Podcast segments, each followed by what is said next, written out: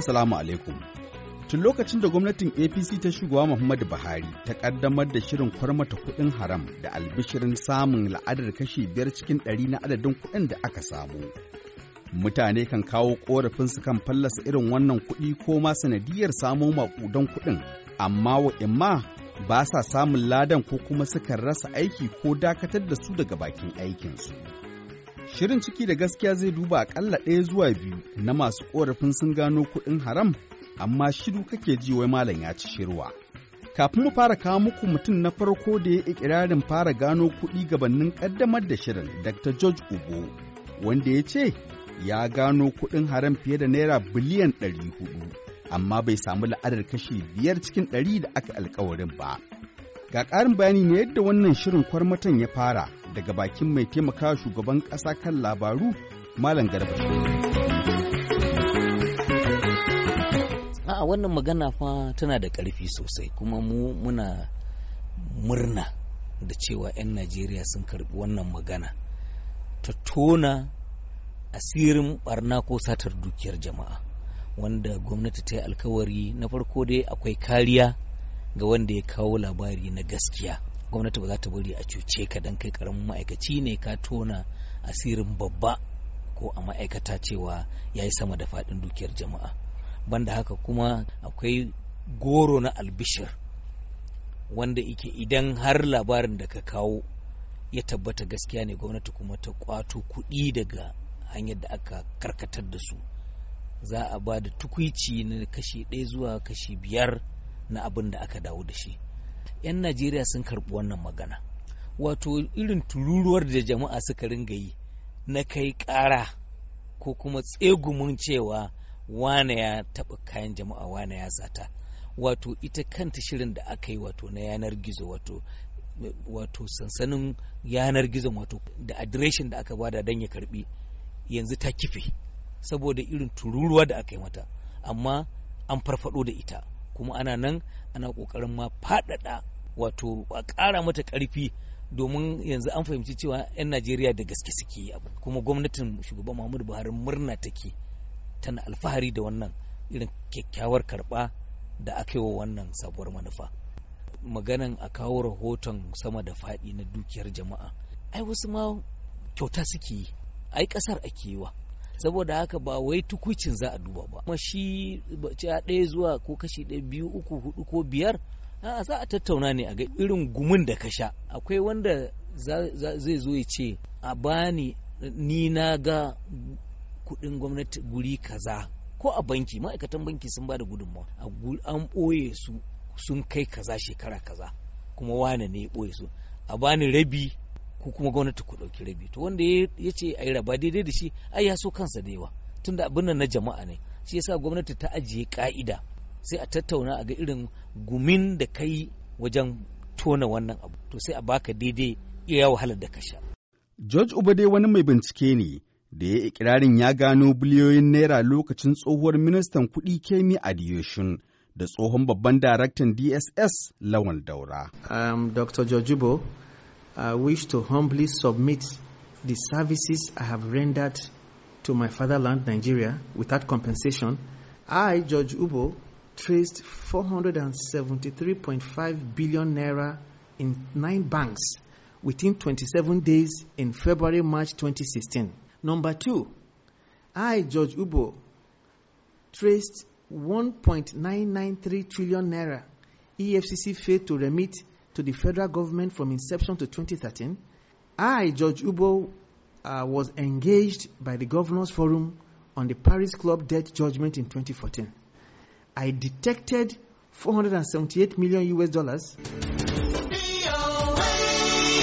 Bayan bayyana wannan labari a Turanci na gano kuɗi fiye da Naira biliyan 400, mai taimakawa Obo na musamman injiniya magajin Muhammad ya yi bayani filla-filla akan wannan batu. To, alal hakika wannan al'amari da ban mamaki mutum muhimmi wanda ya san aikinsa irin Dr. George Ubo wanda a cikin kwana 27 kacal ya gano wa gwamnati zunzurutun kuɗi har biliyan 473 wanda da an sace su babu hanyar da za a samu su amma saboda ƙwararre ne ta ɓangaren gano kudade ta bankuna da kuma wurare daban-daban ya gano wannan. Amma abun mamaki a wannan gwamnatin da muke tunanin gwamnati ce mai adalci. Tun ran 20 ga watan disamba 2017 yau wata sha a rubuta minista ta kuɗi ta mai da kuɗi ma talakawa tsa shi kuma ta biya shi kuɗinsa biliyan 23.6 har yanzu ba ba labari. Wannan al'amari yana ba mamaki.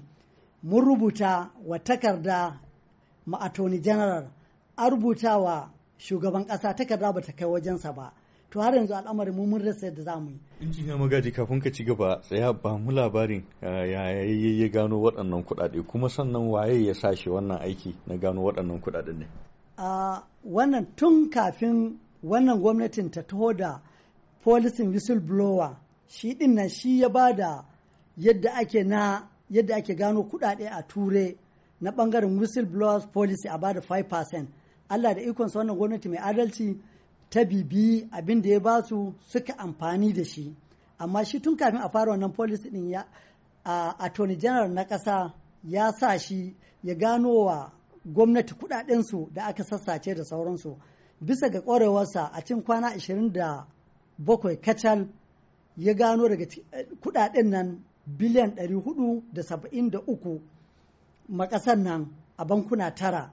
Amma har yanzu ana faɗe tashi ya kashe kuɗaɗen sama da miliyan 200 zuwa tafiya ƙasashe daban-daban daga america zuwa middle east zuwa europe ba inda bai je ba don ya saboda kishin ƙasa don ya gano kuɗin najeriya ya da su. Amma har yanzu aikin da yi har yanzu gwamnati bata waye shi ba. Al'amarin ya zama abin takaici babu daɗi. Wato ma'ana abin da ake so a gane waye ne shin aikin sa kai ne ya sa kansa a tun da ka dama kafin ma a fara wannan aiki na kwarmoto ne.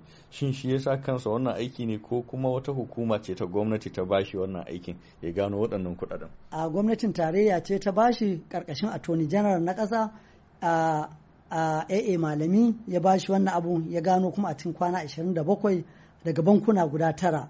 Biliyan 473 da yan ɗoriya a kai shi yana neman hakkinsa na 5% da shugaban ƙasa mai adalci ya alkwari domin da ya gano kuɗaɗen da aka ɓoye na gwamnati ya dawo masa da shi yana da kaso biyar bisa ɗari. wato in haka ne kuwa faɗa mana waɗanne hanyoyi aka bi domin ganin a bashi haƙƙin nasa kuma ya zama har yanzu ba a bashi ba.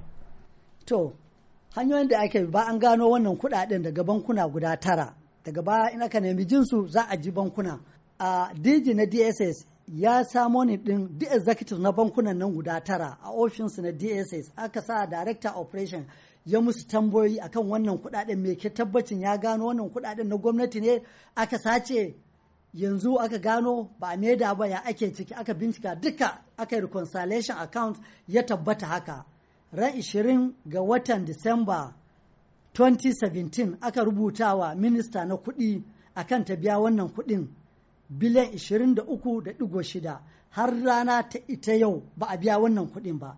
Ba mu labarin ɗazu ka ce ko da yake baka fayyace ba kace aka rubuta takarda zuwa ga ma'aikatar kuɗi ko ministar kuɗi wa waye ne rubuta takardar? A Director General ne na DSS na ƙasa ya rubuta takarda bayan ya gamsu da da bincike da aka yi na reconciliation na accounts ba executive na bankunan nan baki ɗaya guda tara sun zo ofishin dss ƙarƙashin director na operation mr basi aka tabbatar aka sa a powerpoint kowane account aka functioning ya nuna ga yawan kuɗaɗe ga wanda aka samo su gashi gashi kuɗi suka amsa sunarsu shikenan daga nan ya rubuta takarda ma minista ta ƙasa mrs kemi adewashin akan ta da wannan kuɗi. Yau wata takwas da kwanaki har yau ba a maida ba.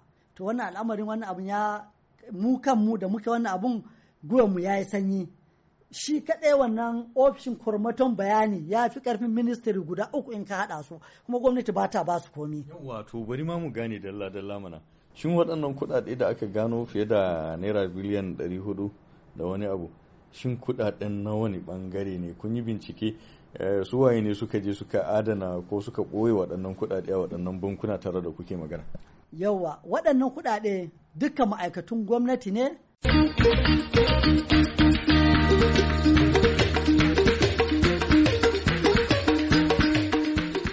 Makon gobe za mu ɗora daga inda muka tsaya da kuma yiwuwar samun ƙarin bayani daga sassan da haƙƙin hakan ya rataya a wuyansu.